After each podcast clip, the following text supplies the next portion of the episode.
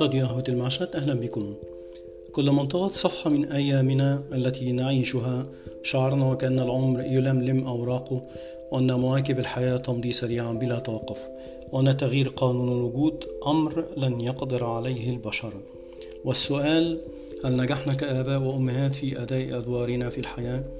هل تعتقدون أن رسالتنا نجحت في وضع أبنائنا وبناتنا على الطريق الصحيح؟ كيف أعددناهم لمجابهة المستقبل؟ هل طريقة تربيتنا لهم صحيحة؟ هل منحنا أولادنا وبناتنا صلاحية اتخاذ القرار أم همشناهم كما همشنا نحن من قبل؟ هل طريقة تعلمنا لهم تحصنهم ضد تقلبات المستقبل؟ هل علمناهم الاستقلال المادي ليحققوا نجاحات في مستقبلهم؟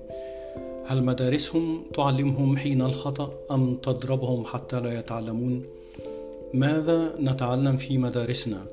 هل نتلقى علما نافعا لنصبح رواد أعمال؟ أم كلمات لا تكفي ولا تغني من جوع؟ ماذا قدمت الحكومات العربية للشباب العربي من المحيط إلى الخليج؟ هل استثمرنا في شبابنا لتحصد أوطاننا فائدة هذا الاستثمار؟ الإجابة تعرفونها جميعا إذا نظرتم نظرة فاحصة على أوضاعنا في كل البلاد العربية.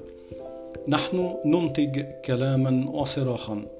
انظروا إلى وسائل التواصل الاجتماعي لتعرفوا أين يتجه شبابنا وإلى أين يتجه الوطن العربي الكبير. دعونا نختم هذه السطور بما ذكره الإمام علي كرم الله وجهه حين قال: ربوا أولادكم على غير طريقتكم فإنهم خلقوا لزمن غير زمانكم والدنيا تدور والعالم يجري والبشر حائرون حتى النهاية. شكرا لحسن الإصغاء وإلى لقاء في حلقة أخرى إن شاء الله. كان معكم محمد عبد الفتاح.